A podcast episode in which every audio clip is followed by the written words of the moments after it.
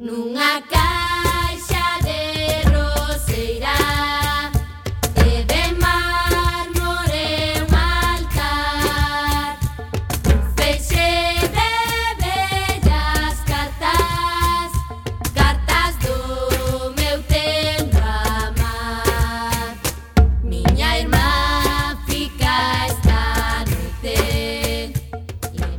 Ola, que tal, recendeiros e recendeiras? Benvidos e benvidas a este espazo radiofónico semanal adicado á cultura que facemos en rigoroso directo todos os martes a 7 da tarde aquí no 103.4 desta emisora, Cuac FM da Coruña.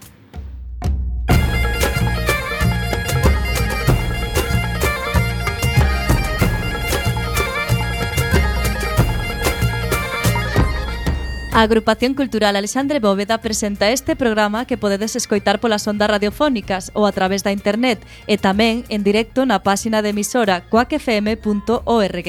Se non chegaches a tempo, non tes excusa, compañeiro. Podes descargar todos os programas emitidos tecleando www.blogoteca.com barra recendoblog ou escoitalo na redifusión, que será os mércores ás 8 da mañá, os venres ás 13 horas e na madrugada do domingo ao luns a 1 da mañá.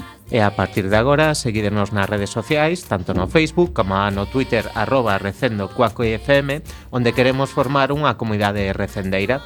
Tamén podes visitar o Facebook da agrupación en a.c.alexandre.com Bóveda.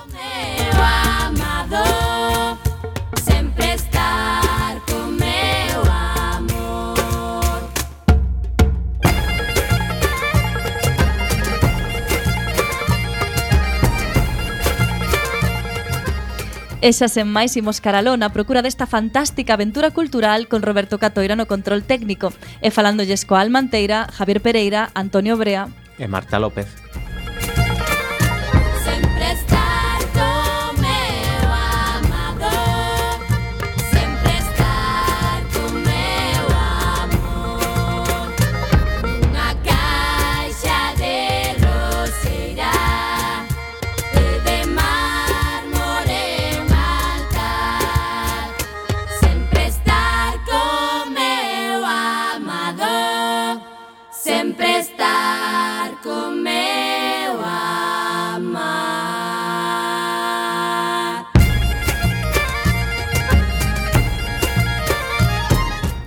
Programa número 222 contaremos como convidados con Nadia Ariri, voceira e coordinadora do colectivo Suria Amigos do Povo Sirio e con Alfonso Mascuñana, voluntario coruñés que estivo hai pouco na Illa de Lesbos. Teremos a sección de A Nosa Lingua a cargo de Marcos Maceira, presidente da Mesa pola Normalización Lingüística.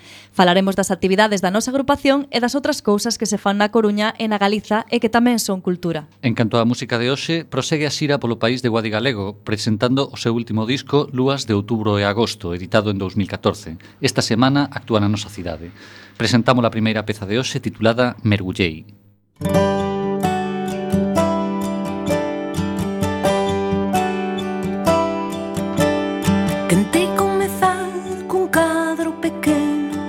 dándolle esquinas os mares e os ceos Un cada recuncha topaba dos erros E o son contaba con velo primeiro. Cantabas poemas, imaxes con letra. Paraba o tempo con cada conversa. Con cada sorriso tremían as pernas. Mentres asubiabas na miña xanela. E logo xa chegaches ti toda aquela luz. Pechei os ollos esta vez e mergullei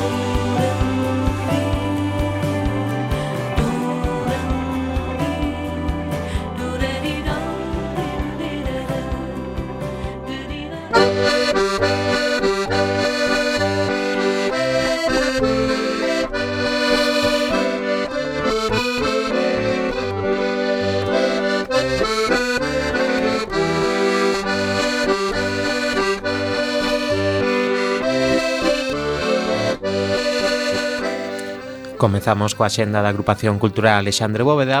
Temos un novo horario de apertura no local da Rúa Olmos de luns a xoves e de 7 a 9 da tarde o noso compañeiro Xurxo Couto atenderá vos gustosamente. Lembrade que o teléfono é o 981 20 0869 e que o mail é acap.mundo-normal.r.com. E lembrade que todos os xoves ás 20 horas temos o ciclo de conversas en Irmandade. As previstas para o mes de maio eh, que pechan o ciclo son o día 12 Manuel Lugrís, neto de Lugrís Freire, e o día 26 Goretti San Martín. Falará sobre Antón e Ramón Villar Ponte. Vilar, perdón. O xoves 19, Festival de Teatro, no que actuarán o grupo de teatro da agrupación Casa Hamlet, Escola de Teatro de Oleiros e Grupo Balacar, da 11. Será no Ágora ás 20.30 horas. E o sábado 21, un autobús fletado por Hora Galega estará este sábado 21 no Obelisco dando información sobre as irmandades e arredor del asociacións e agrupacións da cidade realizaremos diferentes actos durante todo o día. O martes 24, recital poético sobre Manuel María titulado Ferrados de Letras. Estará realizado a cargo da Asociación de Veciños da Agra Dorzán, será no Ágora ás 8 da tarde. Música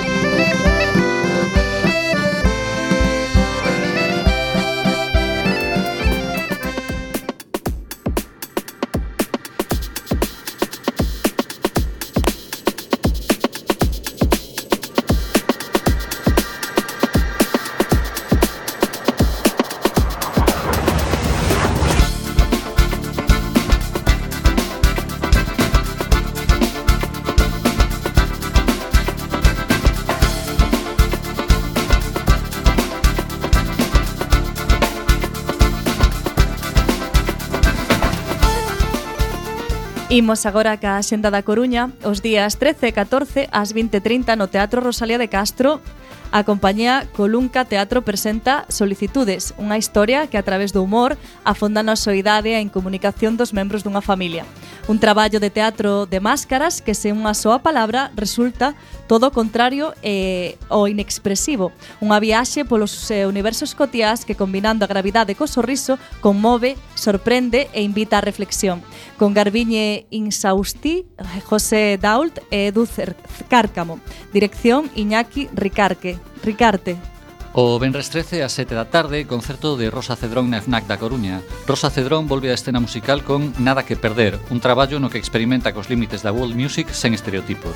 O sábado 14 de maio, ás 12 de mañá, temos un novo paseo literario. Esta actividade, organizada pola colaboración da Asociación de Escritoras e Escritores en Lingua Galega e o Centro Ágora, é unha alternativa para coñecer a cidade dun xeito diferente, da man dos diferentes escritores que escolleron a Coruña para ambientar as súas obras. Nesta ocasión pasearemos da man de Yolanda Castaño.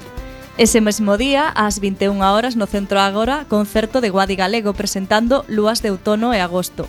Guado, Guadi estivo dez anos exercendo como cantante gaiteira en Berrogueto. Agora, xa en solitario, podemos escoitar esta nova aposta personal coa que empeza unha xira cunha nova formación. As entradas do concerto entréganse con invitación ao coller libros en galego en préstamos nas bibliotecas municipais. Comezarán a repartirse hoxe, 9 de maio. O luns 16 ás 20:30 horas, tamén no Teatro Rosalía, podremos ver Danza Circo baixo a dirección de Ruth Balbís. Aire Noir, unha historia de encontro e desencontro, de busca de equilibrio entre as cordas, con personaxes que se comunican a través da danza con fusión de disciplinas aéreas. Os intérpretes serán Álvaro Reboredo, Danza e Acrobacia Aérea, María Move, Danza e Espacio Sonoro.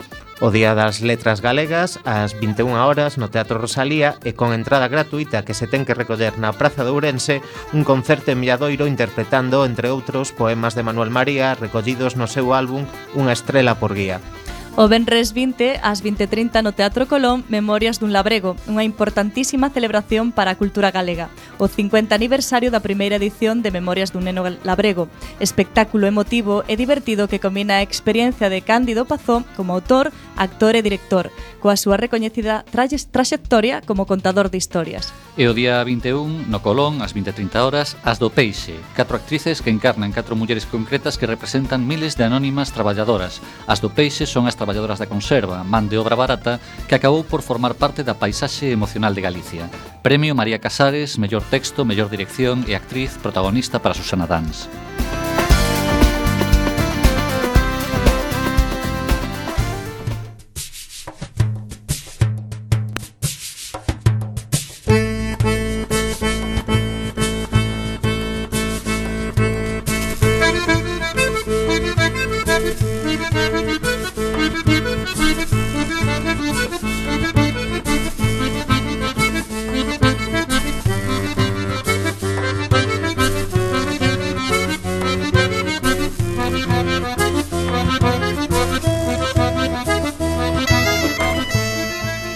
quenda da Xenda de Galiza Comezamos por Lugo Xa que neste programa imos falar de persoas refuxadas da guerra de Siria e doutros lugares do planeta Parecenos moi acaído promocionar o festival a favor das persoas refuxadas Que terá lugar o xoves 19 ás 23 horas no Clavicémalo.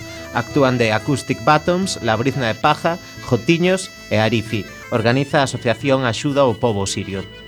En Ourense, ali tamén hai un festival chamado ICC Fest 2016 que é parte da programación da Semana das Industrias Culturais e Creativas.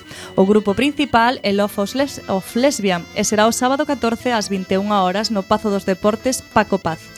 En Pontevedra actúa a Orquesta Gaos, pero esta vez non está dirixida por Fernando Briones, senón por David Grimal, director e solista de violín francés, nacido en 1973 e que empezou a tocar aos 5 anos, e que toca agora un Stradivarius de 1710. Tocarán pezas de Félix Mendelssohn e o concerto está organizado pola Sociedade Filarmónica de Pontevedra. Será o luns 16 ás 20.30 horas no Teatro Principal.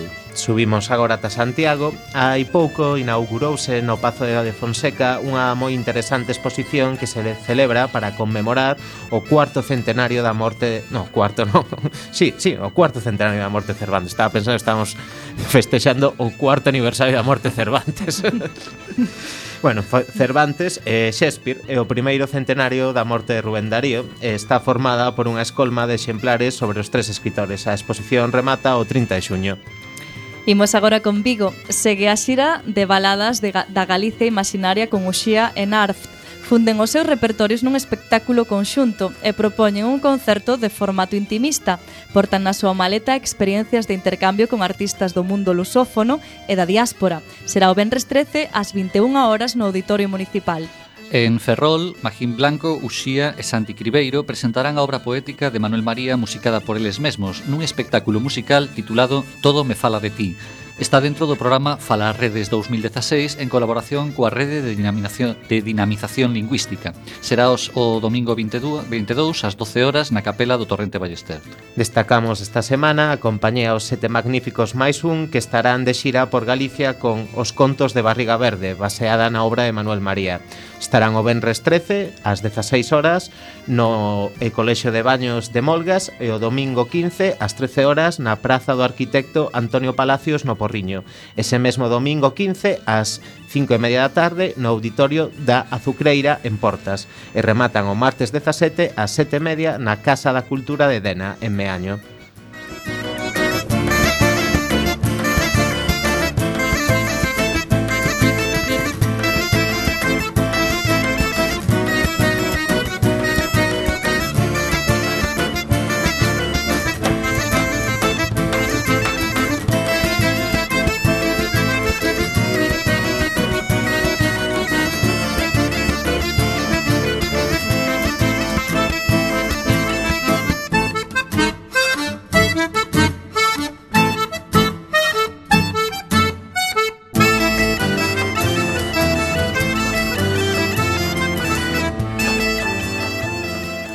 guerra de Siria comezaba a principios do 2011. A contenda xa deixou máis de medio millón de mortos e máis de 11 millóns de desplazados.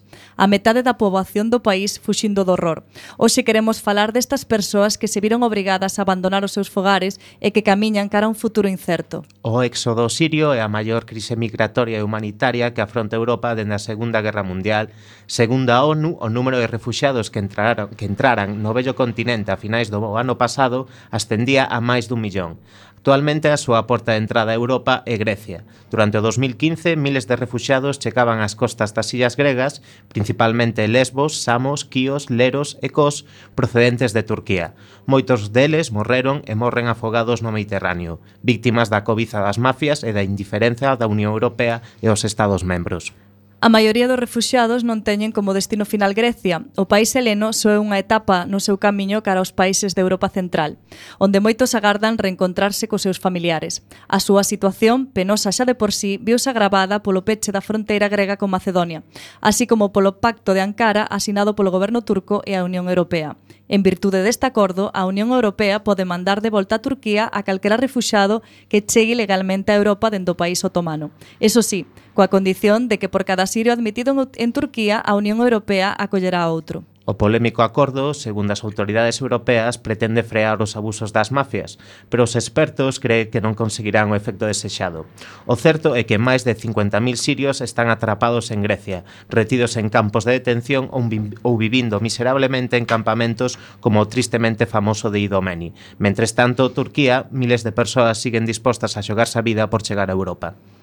Para contarnos máis sobre a crise dos refuxados e a situación de Siria, temos conosco a Nadia Hariri, voceira e coordinadora do colectivo Suria, Amigos do Povo Sirio, e Alfonso Mascuñana, voluntario na illa de Lesbos. Boas tardes aos dous. Boas tardes. Boas tardes. Boas tardes. Para comezar, eh, cal é a opinión que vos merece o Tratado de Ankara? Cal é a opinión que nos merece? A min, personalmente, eh, vergoña. É o único que, que podo exteriorizar agora mesmo, non? Porque estamos a falando de persoas, non números, aínda que sí, hai números e, e cifras e un montón de cousas máis, mas son seres humanos e, e non se lles permite vivir. Eles mm. só queren vivir.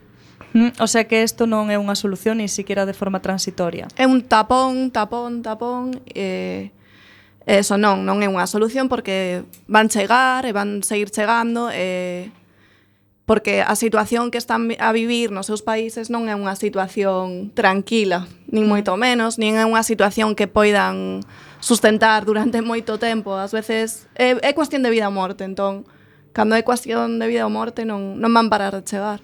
E cales es, credes que son os principais estragos para que está a producir este, este tratado? Pérdida de vidas, eh, eu creo que aparte non, non hai solucións instantáneas, o sea, é unha solución de, de un momento e as, e as vidas que se perden son moitas. E as persoas que están aí atascadas sen poder vivir, só vivir, son moitas. Entón non é, para mí non é unha solución. Nin siquiera podes, eh, podes chamar solución. Alfonso, ti queres engadir algo? no, si, podo engadir, aínda que coincido totalmente ca, ca reflexión de de Nadia, eh, vergoña, vergoña é a, a palabra que se nos ven á mente a moitísima xente, mm, dando un paso máis, por que, por que este tratado, por que eh, que é un tratado non do povo europeo, non da xente de Europa, sino dos dirixentes europeos. Bueno, pois eh, o tratado, ademais de ser vergoñento, denota eh, a, ao derroteiro que tristemente levamos no? en, en, na construción de Europa, un derrotero que do que temos, do que países moito máis pobres e non tan asociados, por exemplo, países árabes de, de, do Mediterráneo, pois están acollendo eh, mm, catro veces máis que, que un millón de personas que sin acoller aquí entraron. O sea, unha vergoña que denota unha sociedade que progresivamente se pecha, exclúe, eh, según me modo de ver, leva un derrotero malo, equivocado, que conduce a, a violencia. Alfonso, ti estiveches en Lesbos, canto hai de, da túa estadía ali na illa? Eh, un pouco máis de mes e medio fai que se que voltei hmm. aquí. Sí. E cal é a, como era a situación que atopaches ali o, o chegar? Eh, en Lesbos mm, eh, estaba cando eu estuve eh, que estuve eh, sete, cinco semanas, sete, cinco días pois era unha situación de unha chegada abundosa de, de, de lanchas no? estaban a chegar pois da orden de 30 lanchas, 40 lanchas 1200 persoas eh, esos refugiados ao chegar a Lesbos e ser acollidos eh, por unha por unha tropa de, de xente voluntaria que lle daban a lle dábamos a bienvenida, eh, un, una, un acollemento tamén material, eh, os conducíamos a, a algo que entón era un campo de refugiados central, e agora é un centro de internamiento, Moria, eh, eh, en pouco tempo acadaban se si eran de población siria ou afgana ou, ou iraquí eh, o estatuto de refugiado. Eh, esa era a situación entonces, unha situación mm, realmente eh, non exenta de sufrimiento. No? Eh, en Lesbos mm, eu fui un testigo de unha masa inmensa, de, de unha masa mm, así, unha multitude de xente digna e sufrinte, non? Unha especie de procesión inmensa de personas que chegaban. E que, e que, e é parte da, da dor que agora están a padecer esa xente, nos lo contan compañeiras e compañeros que están nos campos do continente ante a fronteira pechada, e que pensaban que ao pisar que Europa era outra cousa, que ao estar ali eh, nevermind o, o país a onde vaya, isto en Europa teño a salvación, era un pouco paso do Xordán, na máis que tiñan daquela a a xente refuxiada dous tras, traumas, o trauma da guerra, e o 90% era xente refuxiados de, de guerra ou de moita fame, e o trauma do paso do mar. Eh, ahora, ademais, ten o terceiro trauma que é o, o trauma do desprezo e da cerrazón. Daquela, Lesbos era un primer chance de esperanza. Eh, falabas do campamento que agora mesmo un campo de detención, Moria mas hai outros campos ali, digamos que organizados polos voluntarios e os propios refugiados a situación que se bebe que se vive nun campo oficial eh, digamos nestes alternativos é a mesma ou hai diferencias entre eles? Bueno, eu me coñezo por referencias, acabo de chegar unha compañeira de Coruña, de, un, de uno dos campos, Cachicas.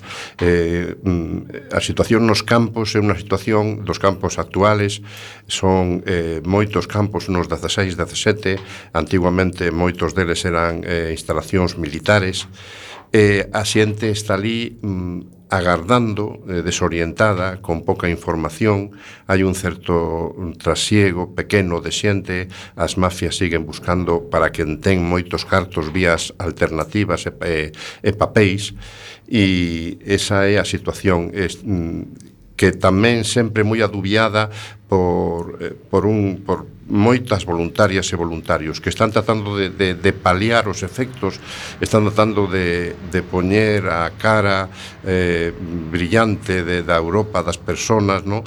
eh, tratando de, de coidar. A, eh, é moi interesante, moi emocionante mm, a testemunha de personas que agora están ali, no? que non viviron Lesbos, sino que viviron o continente.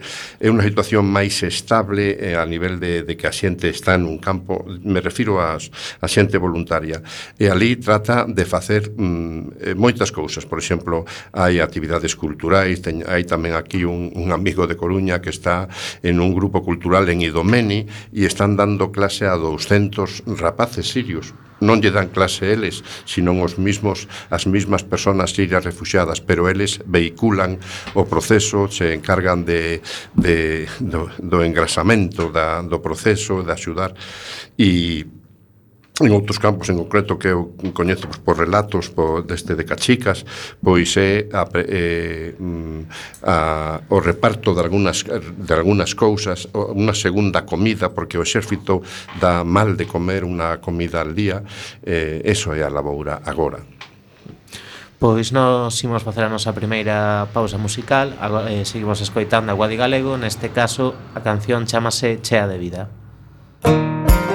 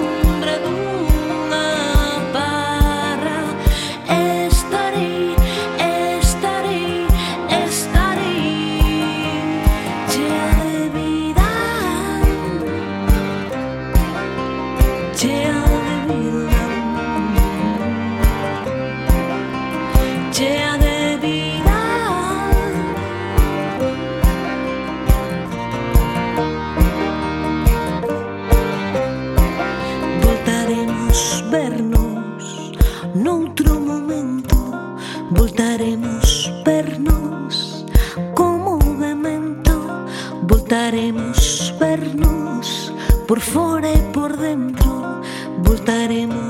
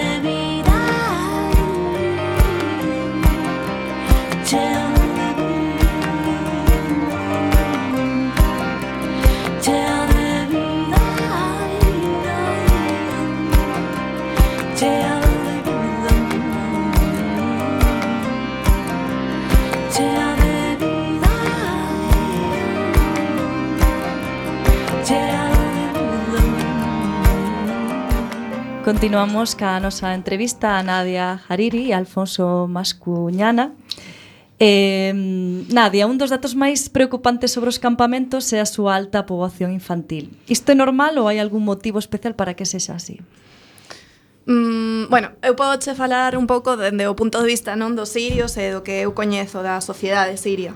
Eh, para, para eles é moi importante ter fillos porque a familia é moi importante en sí. Entón, o feito de ter fillos é, é que, que continúa a estirpe, digamos, non? E aparte que é como o mellor eh, regalo do ceo, non? Que se pode ter. É, é para eles. Entón, sí que, bueno, o, o ter ese, esa, ese ese, esa tipo, ese, ese tipo de, de vista de cara, de cara ao futuro, pois, pois sí, fai que teñan moitos fillos, eh, e a parte que, bueno, nas circunstancias na, nas que están, pois seguramente, pois... Las marchan familias completas. Claro. Uh -huh. eh, cales poden ser as consecuencias negativas de, desta experiencia tan traumática para, para os nenos? Eu creo que, que non hai positivas, non? Nestos momentos, porque estamos a falar de que moitos nenos eh, xa naceron eh, entre bombas, non? Uh -huh só coñecen o, os estoupidos das bombas e aínda que só coñezas eso, eh, pode parecer, bueno, só coñecen eso, entón é algo normal para eles. Non, eu creo que calquer, calquera ser humano non, non é normal eso para eles, non?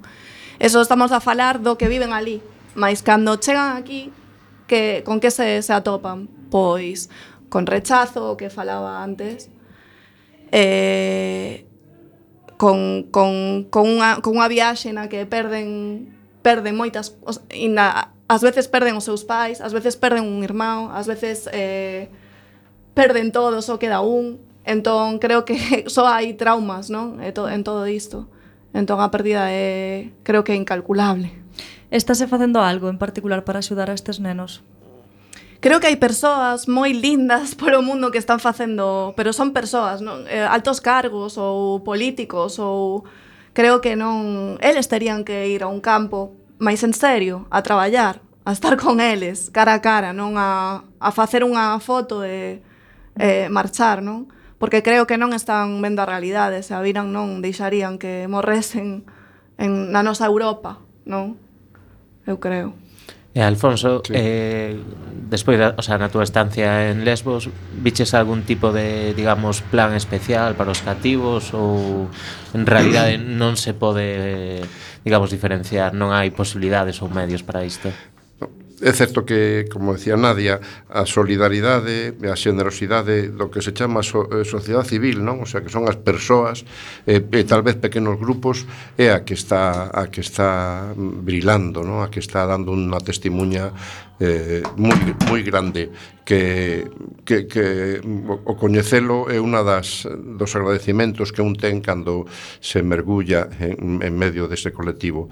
Eh, por outra parte eu penso que aínda que é verdade o que decía Nadia eh, os nenos eh, é, é o, o elemento máis sensible e máis vital do sufrimento eh, con unha capacidade de esquencer eh, e de poñerse a xugar a, con calquer cousa cando ante a, a, eh, o día anterior o 48 horas antes estuveron a piques de morrer. Eh, eso dicen a xente, ou vin, aínda que donde eu estaba era una, un sitio de máis tránsito, a xente non estaba máis de tres días, bueno, algunos máis no campo de fora de, de, de Moria, algúns máis unha semana pero, bueno, quen facía guarderías eh, ou campos de xogo ali? A xente da solidaridade, non? O sea, eh, a, dentro de pouco uma, un, un grupo finlandés leva no seu coche, na súa furgoneta, un tobogán pequeniño para que teñan nun campo.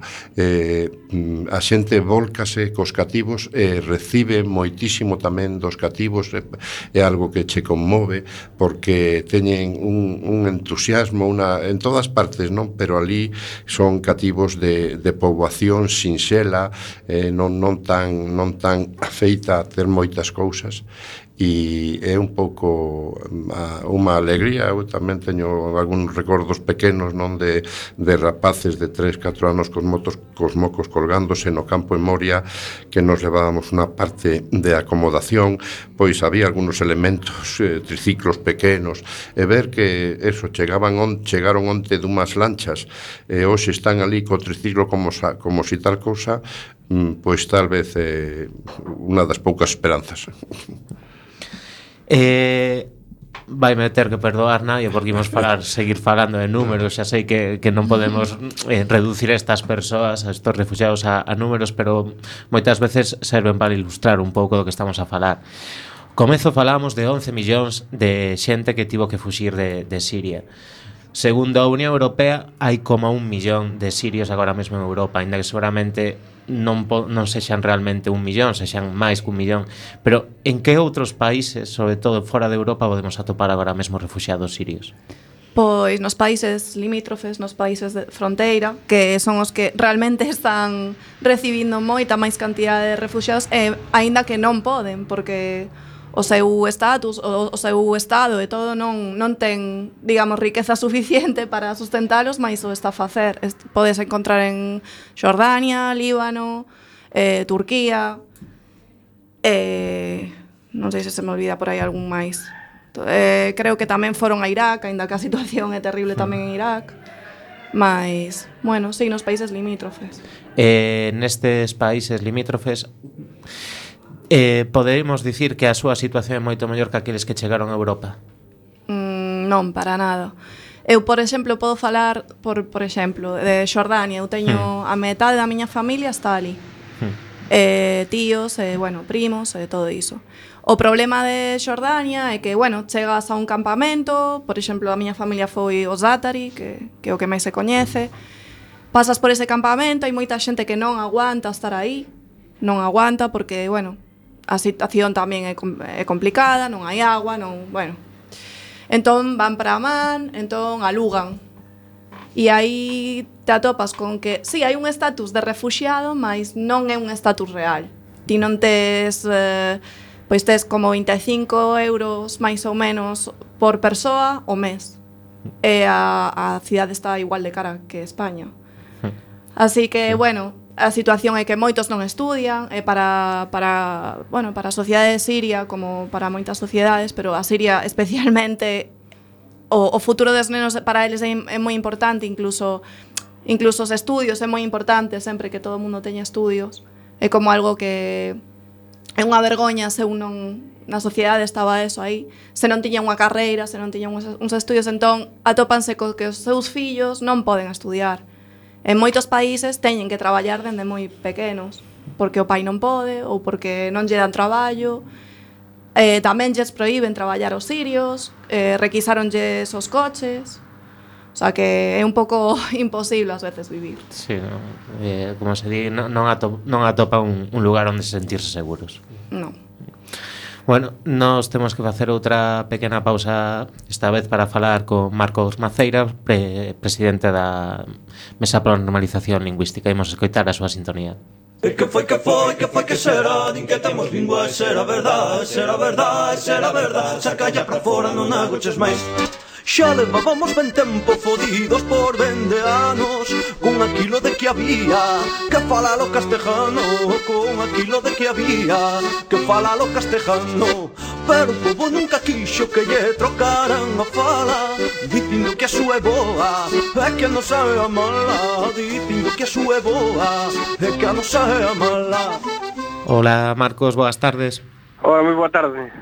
Pois, sí, boa tarde, depende, aquí está chovendo a reo, pero bueno, supoño que será así en todos lados.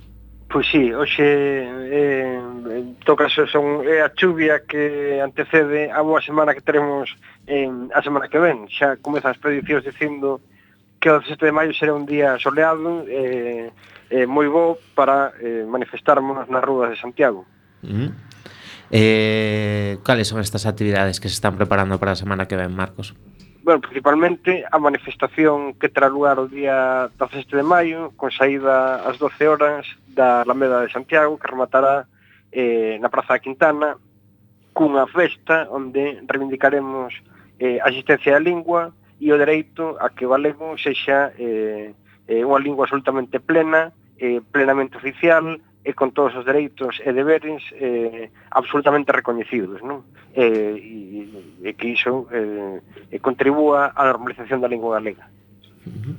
E algo máis que queiras destacar desta celebración? Da sí, a, o lema pois eh, será o idioma e a vida, eh, escollendo un verso eh, de Manuel María, que é autor homenaxeado eh, este ano. Manuel María máis foi unha persoa que participou moi activamente eh, de todas as organizacións de defensa da lingua, tamén participaba habitualmente nas manifestacións eh, de defensa do galego, foi unha persoa moi comprometida eh, coa lingua do país, e eh, a figura de Manuel María tamén terá unha presenza significativa eh, na propia Praza da Quintana, non? Ali van a actuar eh, Minimero, abrirán eh, o acto final, e logo eh, rematarán Fran Amil e a tribu incomprensible que veñen de eh, sacar un disco a voz do vento baseado en, en, en poemas de Manuel María que foi editado pola Mesa pola Normalización Lingüística.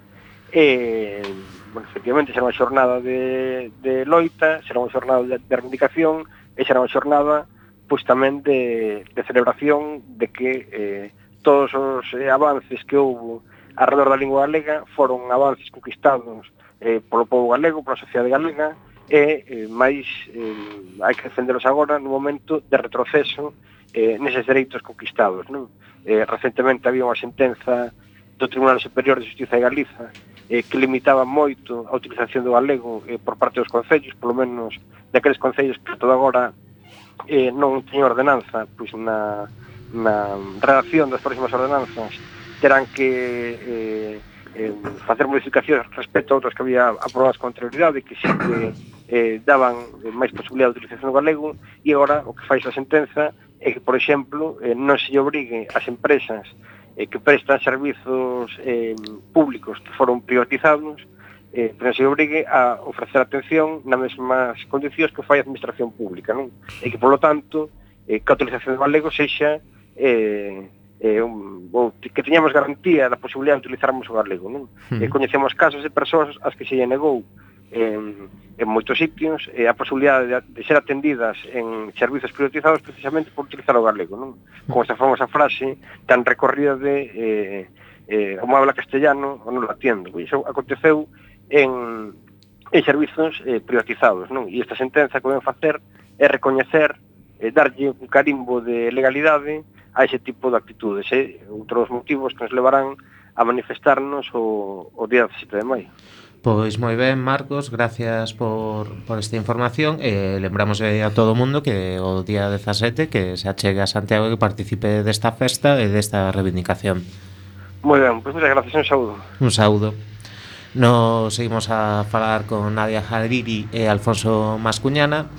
Eh, o comezo desta entrevista falábamos do Pacto de Ankara, unha das consecuencias do Pacto de Ankara é que recoñece que Turquía é un país seguro para os refugiados.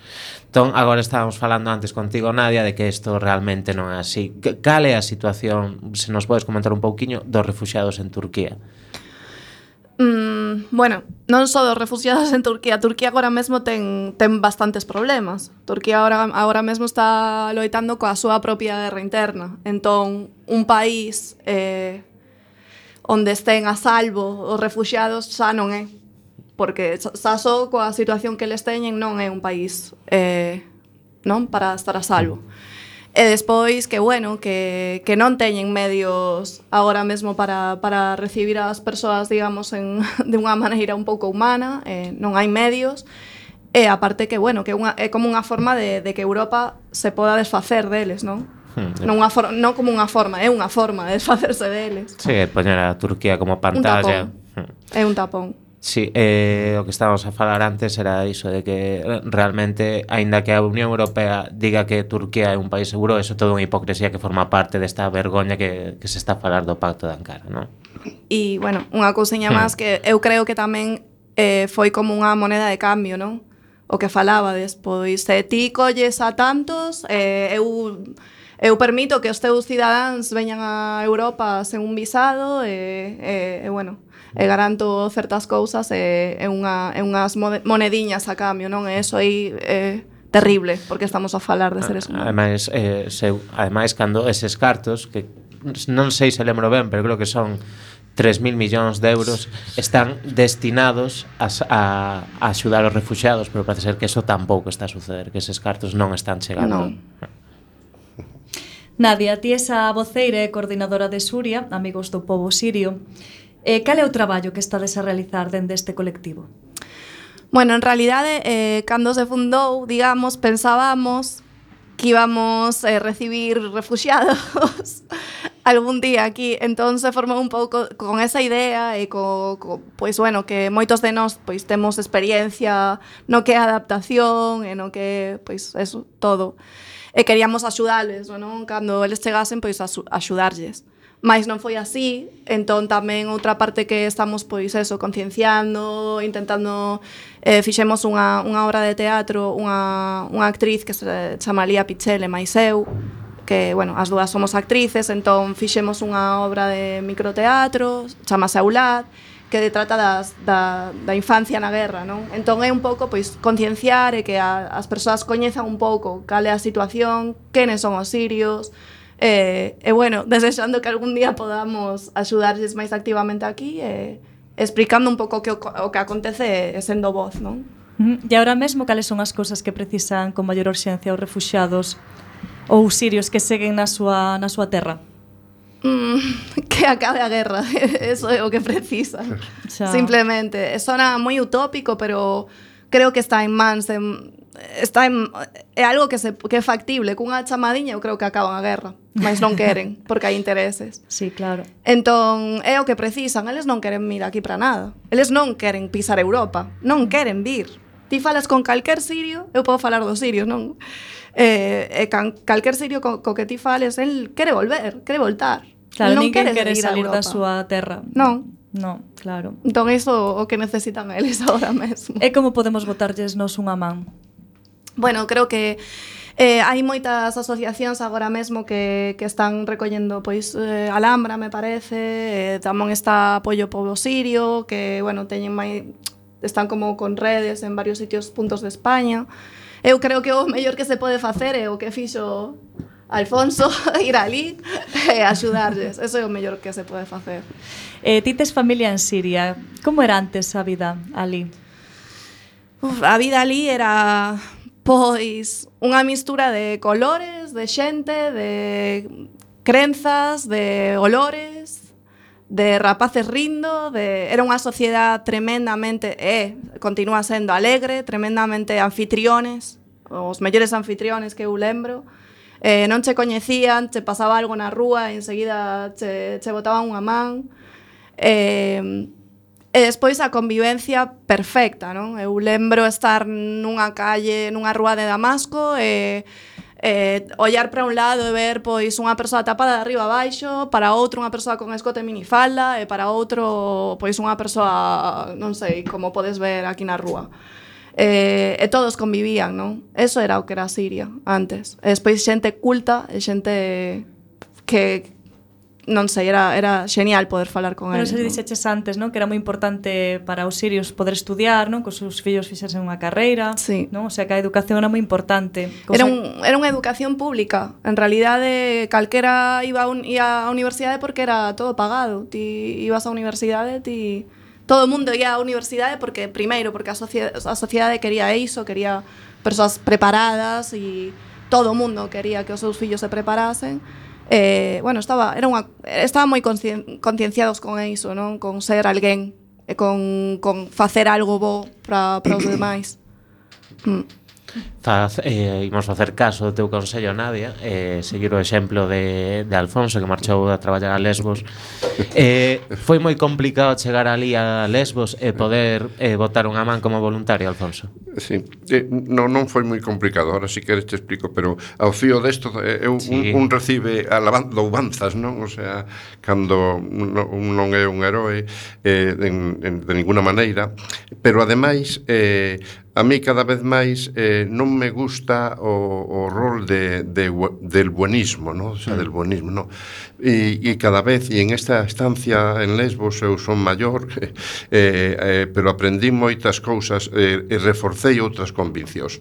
Eh, unha das cousas que reforcei é que É certo que ali a nosa tarea, eh, bueno, é, eh, como destilan as palabras tamén de Nadia, pois é unha tarea de, de ternura, de acollemento, de cuidado, de, de buen rollo, de ver o lado positivo, pero eh, mm, non deixa de ser unha tarea que te eh, que, te fai eh, mm, protestar moitísimo. Non? A sociedade, o noso entorno aquí, pois adoita alabar as persoas que fan o ben, ai, que ben, que boniño, pero, sin embargo, en canto cuestionas mm, a, a orixen das cousas, xa non eres tan boniño. E dende ali, mm, co, co todo sorriso, co todo corazón eh, en riba da pel do mundo, hai que cuestionar, non? Hai que cuestionar que España é o sétimo país do mundo exportador de armas, non? Hai que que cuestionar que o modelo que están a facer en Turquía eh, en con Grecia, onde a día de hoxe pois eran xa 1300 e pico deportados a Turquía, é unha unha parodia, é aliarse con quen sea con tal de quitar isto de enriba, que o modelo mm, a escoller é o modelo do Estado español, alambradas e un campo de refugiados a outro lado, e que iso non ten futuro. Eh, con todo o buenismo do mundo hai que decir unha, eh, dúas e tres e e 20.000 veces máis. Esa é a combinación da ternura e da indignación.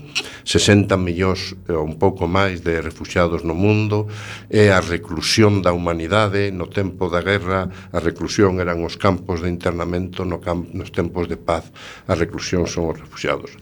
Non me costou, eh, non me, fai falla unha decisión hai moitísimas redes, eh, moita solidaridade, eh, tes que poñerte a, a elo, non é excesivamente caro, atópanse vos eh, si buscas e si adaptas ao, a túa viaxe a, ao, ao económico, pois relativamente baratos eh, a Atenas. Eh, eu fun a, a Mitilene que aínda era o, pois, outro voo máis non? Dende Atenas se pode chegar a calquera dos 17 ou 18 campos e en canto entras en alguna páxina Mm, donde está a xente dicíndote pois o que fai falta inmediatamente te, eh, te dicen, chegas tal día podes compartir eh, habitación aquí mm, eh, económicamente non é difícil é unha recibes mm, unha gratificación moi grande E é verdade que tes que ter, bueno, pues unha mínima saúde, mm, oxígeno mental, non? O sea, eh, eh, e, e non te podes pasar 15 horas dentro do campo de refugiados, hai que ir a tomar un café, imprescindiblemente estas medidas profilácticas de aguantar se vas a estar que cinco semanas non podes, eh, tes que medirte. Pero mm, eh, eu a, na primeira estuve en casi un mes, ton xubilado, estuve en casi un mes vendo blogs e tal, e o primeiro con, con que contactei de unha persona que non debía ter moita mm, eh, moito rodaxe movimentos sociais e tal, que se lle ocurreu, foi ali nove días, non? Eh, e, e fixo un blog moi, moi extenso, moi detallado, eh, o que repetía constantemente si vas a Lesbos te, se che cambia a vida si vas a Lesbos e é verdade que unha experiencia de, de solidaridade ca, ca, ca esta humanidade doente é dignísima eu coincido con, con con Nadia, non? Es unha xente digna, pois te cambia a vida, ves as cousas. Non, non é que sepas cousas novas, porque hoxe en día sabemos de todo, pero o sabes de outra maneira. Pois nos quedamos aí con, con esa recomendación que é doado que, que, que este pensando en ir que, que non o pense dúas veces se ten a decisión que, que vaya caralo nos imos facer a nosa derradeira pausa musical outra vez Guadi Galego neste caso Aromas da Terra Música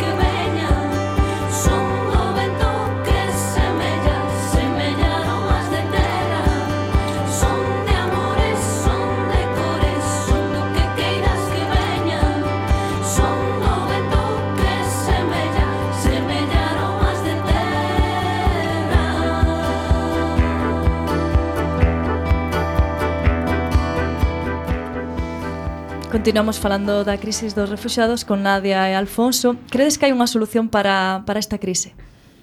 O que é a crise dos refugiados? Claro, bueno, a crise dos refugiados, sí. Eu incido no mesmo. Sí, sí. Eh, e eh, creo que remata a guerra. sí, pero bueno, sei que non só hai refugiados sirios, entón eh, pois bueno, é bastante utópico, non que remate as guerras de todo o mundo, é, é, é super utópico, eu gostaría, mais sei que, bueno, é utopía.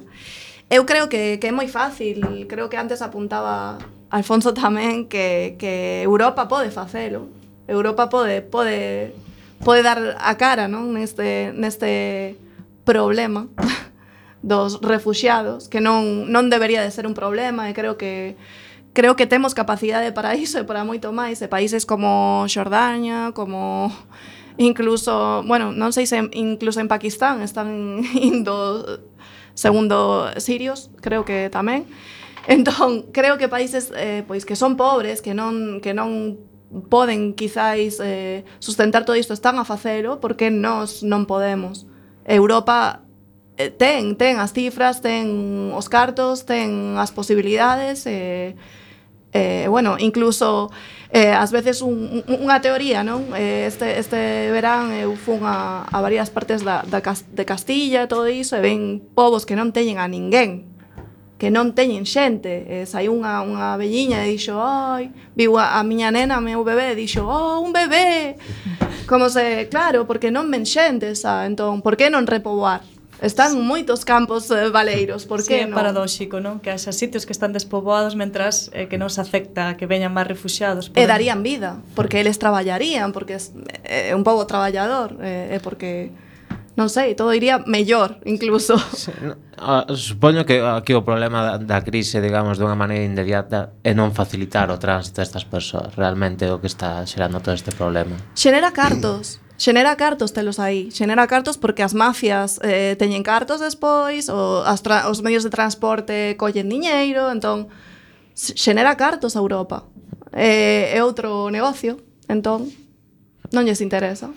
Bueno, Nadia, antes de despedir, estás falando aquí fora do micro que estás montando pois unha especie de festival para recoller axuda. Nos non, eh, eh, eh, é unha, bueno, van a facer unha gala en Arteixo o 21 de maio, creo, sábado. Eh, e, eh, eh, bueno, eh, agora mesmo non lembro o nome da, da asociación, creo era con Asociación Alhambra, eh, E, bueno, unha persoa que se chama Brava Vero, que é a que está facendo todo isto, é unha, unha gala para recoller cartos, e entón estaremos aí coa aula O día 21 en Arteixo, moi ben, pois moitas gracias a Alfonso Mascuñana e a Nadia Jaragiri por contarnos, Hariri, perdón, contarnos eh, a situación dos refugiados. Moitas gracias, gracias a vos. Xa semana